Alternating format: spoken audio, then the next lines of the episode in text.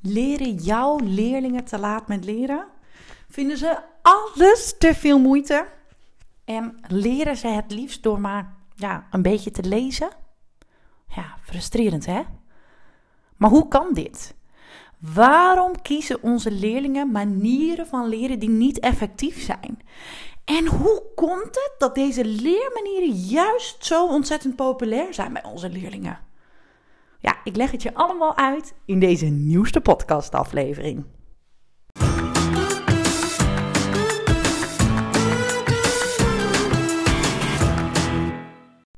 Hey, wat leuk dat je luistert naar de podcast van het Leerlab.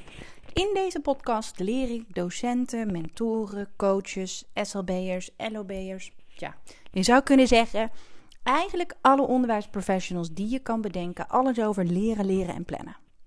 Wat zegt de wetenschap? Wat zeggen de onderzoeken over deze onderwerpen? Maar eigenlijk het allerbelangrijkste, hoe vertaal je dat naar de praktijk?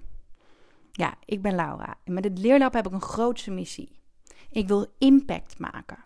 Ik wil dat alle leerlingen in Nederland en België leren, leren en plannen. En om deze missie te bereiken ben ik heel actief op Instagram en maak ik elke zondag, bijna elke zondag, deze podcast. Ik hoop je te inspireren, maar ik hoop je vooral in beweging te krijgen, zodat het leren en plannen makkelijker wordt voor jouw leerlingen.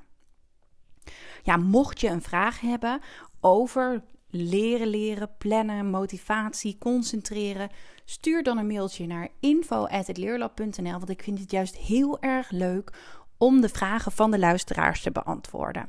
Dus heb je een vraag, stuur hem naar info.leerlab.nl. En wie weet hoor jij hier binnenkort in de podcast jouw vraag met daarbij het antwoord. Ja hoor, daar zijn we weer met een nieuwe podcastaflevering. Ontzettend leuk dat jij ook vandaag weer de moeite en tijd neemt om naar de Leerlab podcast te luisteren. En uh, ja, ik krijg onwijs veel uh, toffe reacties altijd op de podcast. Um, en dat is altijd wel echt een feest. Want dat maakt wel dat ik weet wie de podcast luistert. Of in ieder geval een beetje. Want met zulke grote aantallen is het soms best wel eens lastig. Ja, wie luistert het dan? En soms denk ik ook wel eens, joh, waar kan ik nu nog een podcastaflevering over maken? En de aflevering waarom, uh, hoe ik op deze podcast van vandaag kwam, hè, waarom kiezen leerlingen leermanieren die niet effectief zijn? Ja, daar ben ik uh, opgekomen omdat ik vandaag, vanmiddag, ik ben, het is nu ochtend, en ik neem deze podcast op en vanmiddag mag ik weer een workshop geven, of eigenlijk een studiemiddag. En die studiemiddag staat in het teken van leren leren. Welke leermanieren werken niet, welke leermanieren werken wel. Um, maar ook wel heel erg over hè, uh, alle leerlingen leren toch op hun eigen manier. Hoe kun je dat nou doen in een groter geheel? En een deel van vanmiddag wil ik je gewoon hier als cadeautje gratis aan waarde geven. En ik hoop dat het je bepaalde inzichten geeft en dat je daar wat aan hebt. Want als we het hebben over leren, dan hebben we het over een stappenplan. Eigenlijk doorloop je als jouw leerlingen, of doorlopen jouw leerlingen een bepaald stappenplan. En de eerste stap, of de eerste vraag die ze zichzelf stellen, gaat over: wat ga ik leren? Eigenlijk heel logisch en een hele simpele vraag. Um, maar wat ga ik leren? Daar begint het eigenlijk mee. En daarna komt de vraag: wat weet ik al? En wat moet ik nog leren? Dus welke stof heb ik nog niet? Welke stof uh, heb ik nog niet onder de knie? Welke, wat weet ik al wel? Alleen als uh, we willen leren, gaat het eigenlijk hier al mis. Bij deze eerste stappen, bij deze eerste vragen die we onszelf afvragen. Het is eigenlijk de verkeerde manier. En hoe zit dat nou precies? Nou, ik zeg wel eens, wij mensen hebben een probleem. Want allereerst hebben wij een probleem dat wij um, heel, heel gek. Dat is eigenlijk geen probleem. Wij zijn als mensen heel gek op leren. Wij zijn zo gek op leren. We zijn hele leergierige, hele leergierige dieren. We willen graag nieuwe dingen leren. Maar het probleem is dat als we leren overschatten we onszelf. We zijn veel te positief over onszelf. We denken dat we iets wel kunnen. Of we denken dat we iets al weten. Of we denken dat we iets in een bepaalde tijd wel gedaan kunnen krijgen. En als we dat over een ander denken, is dat juist weer veel minder. dan geven we juist anderen nog meer tips en adviezen. Het vervelende ook is, en het doet me direct denken aan een eh, gesprek afgelopen week met iemand. Iemand uh, twijfelde om mijn uh, trainde traineropleiding te volgen, dus om als trainer te worden voor het leerlab. En um, deze persoon gaf onder andere als argument: um, hè, wij weten al, of ik weet al genoeg inhoudelijk over um, leren, leren. Dus dat stuk hoef ik niet te weten. Ik wil graag weten hoe ik het moet overbrengen. Nou, dat is natuurlijk precies waar onze opleiding of de trainer-traineropleiding over gaat. Want alle mensen die uh, worden uitgenodigd, want in deze opleiding word je uitgenodigd, um, hebben onze mastermind opleiding gevolgd. Omdat ik zeker wil weten dat je een bepaalde basis hebt, een bepaalde kennis. Maar als wij dus al zeggen, ik weet wel genoeg of ik denk dat ik wel genoeg weet, wat gebeurt er dan? Dan gaat je mind op slot, je brein gaat op slot. Als je zegt, dit weet ik al of ik denk dat ik het wel, hè, dan gaat het op slot. Dan komt er ook niks meer binnen. En dan sta je dus ook niet meer open om te leren. En daarnaast, ehm, naast dat stukje, want dat is even een voorbeeld, wat echt een concreet, praktisch voorbeeld, wat direct in mij oplopt. Dit gebeurt ook bij leren. Want hoe heeft dit nou, wat heeft dit nou precies met leren te maken? Ik wil je een aantal voorbeelden geven.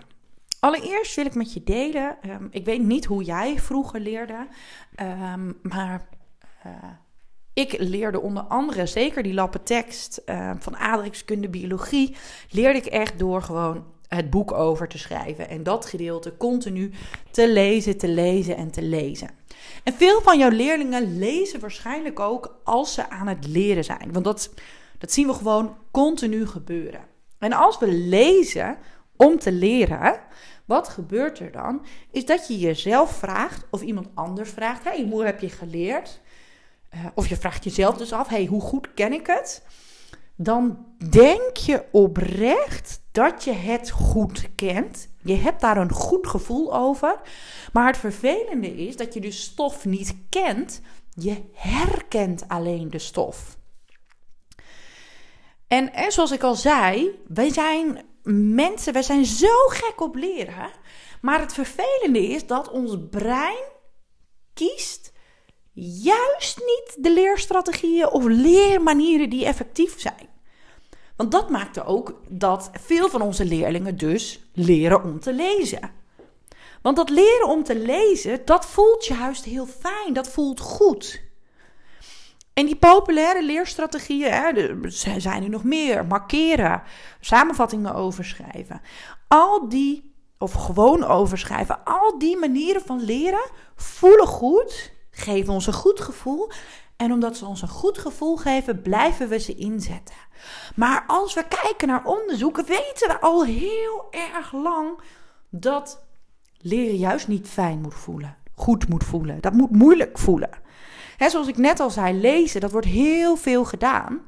En als leren gemakkelijk voelt, dan gaan we onszelf overschatten.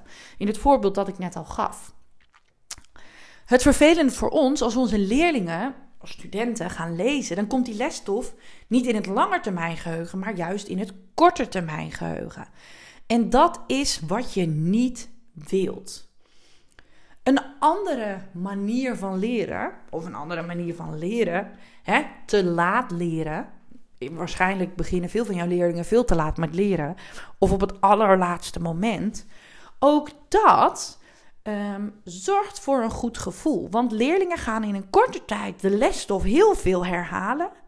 En daardoor krijgen ze ook het gevoel dat ze de lesstof weer herkennen of kennen.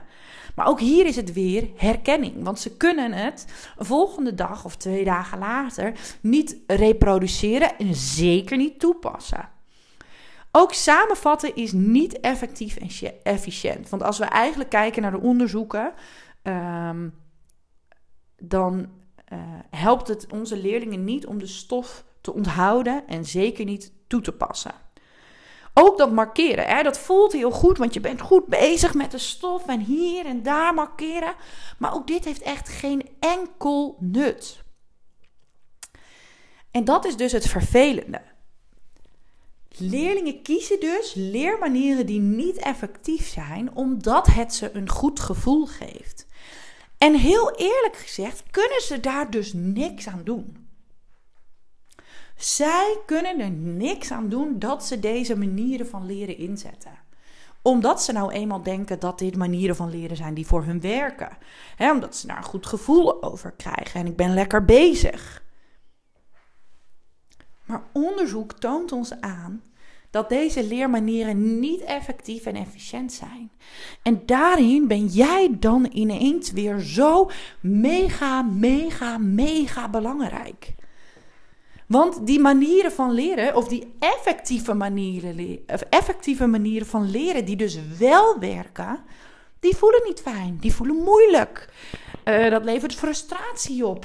Het idee dat, het, dat je het niet kent of niet weet. Of dat je het vergeten bent. Maar juist die elementen zijn enorm belangrijk. En als ik dan kijk naar wat kunnen we dan in het onderwijs doen om onze leerlingen en studenten hierbij te helpen, eigenlijk heel simpel. Allereerst uitleg geven over hoe dit werkt. Dus dat we als leerlingen kiezen voor leermanieren die fijn voelen, maar niet werken. Zeker niet voor de lange termijn. We moeten aan, als tweede moeten we uitleggen wat wel werkt. En daarnaast moeten we ze dus aanleren, voordoen, modelleren hoe ze wel zouden kunnen leren. Hè? Welke effectieve manieren van leren werken wel? En dat brengt mij ook weer bij de vraag die ik regelmatig krijg. Hè? Een vraag over: hey, Laura, uh, ik heb 30 kinderen voor mijn neus zitten. Hoe kan ik al die leerlingen bedienen? Want al die leerlingen um, die hebben hun eigen manier van leren. Hoe kan ik dat aanleren, aanbrengen, overbrengen? Nou ja, ik ga je heel eerlijk vertellen, dat gaat niet. Want waarom gaat dat niet? Dat gaat niet omdat alle leerlingen op dezelfde manier leren. Wetenschappelijke onderzoeken van de afgelopen jaren tonen ons dat keer op keer aan. En die onderzoeken zijn gebaseerd op de werking van ons brein. En ons brein werkt voor iedereen hetzelfde. Voor jou, voor mij, voor al jouw 30 leerlingen. En als we dan kijken naar de onderzoeken, dan komen er vier effectieve leerstrategieën naar voren actief ophalen, switch en hussel, spreid in de tijd en dubbel in je brein. En, en het is dus van belang dat jij die gaat implementeren in je normale lessen, in je eh, LOB-lessen, SLB-lessen, in je mentorlessen. Uh, dat je je team meekrijgt, noem het maar op. En dat brengt mij eigenlijk ook direct bij de reden waarom ik mijn live dag op 20 januari 2024 organiseer. Ik wil impact maken in het onderwijs. En dat kan ik niet alleen. Impact maken doen we samen. En ik hoop dat jij meedoet. Want op de live dag in januari 2024, 20 januari, ga ik uh, van alles vertellen over die vier effectieve leerstrategieën.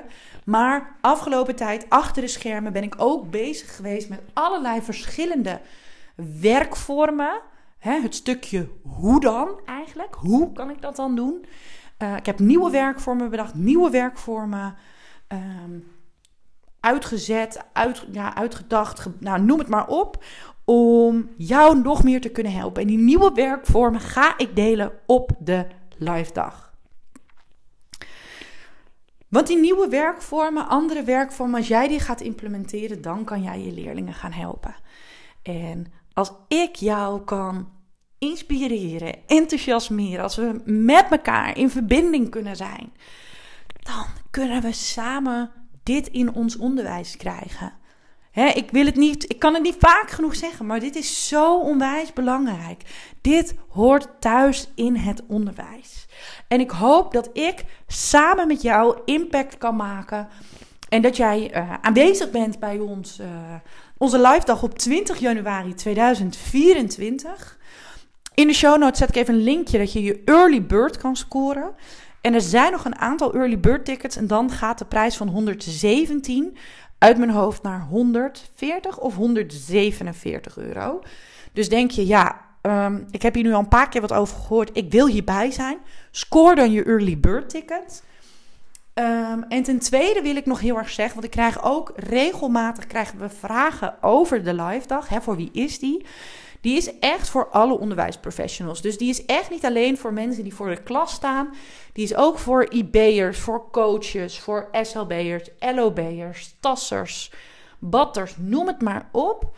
Want ik geloof en ik weet zeker dat als we met elkaar op 20 januari in een grote groep in verbinding zijn, de eerste verandering in ons onderwijsland op gebied van leren leren en onze studenten helpen om wel de juiste leermanieren te kiezen, dan is dat een van de eerste stappen die we samen kunnen zetten. En ja, eigenlijk zou ik zeggen, ik wil impact maken samen met jou. Doe jij mee? Ik hoop het wel. En ik hoop je dus ook echt te zien op 20 januari 2024. Voor nu wil ik je weer bedanken voor het luisteren. Ik ga snel mijn uh, workshop koffer inpakken of mijn studiedag koffer, zodat ik al mijn praktische werkvormen en werkbladen mee heb naar de studiemiddag van vanmiddag. En dan wil ik je voor nu bedanken voor het luisteren en tot volgende week. Hasta la vista. Ciao.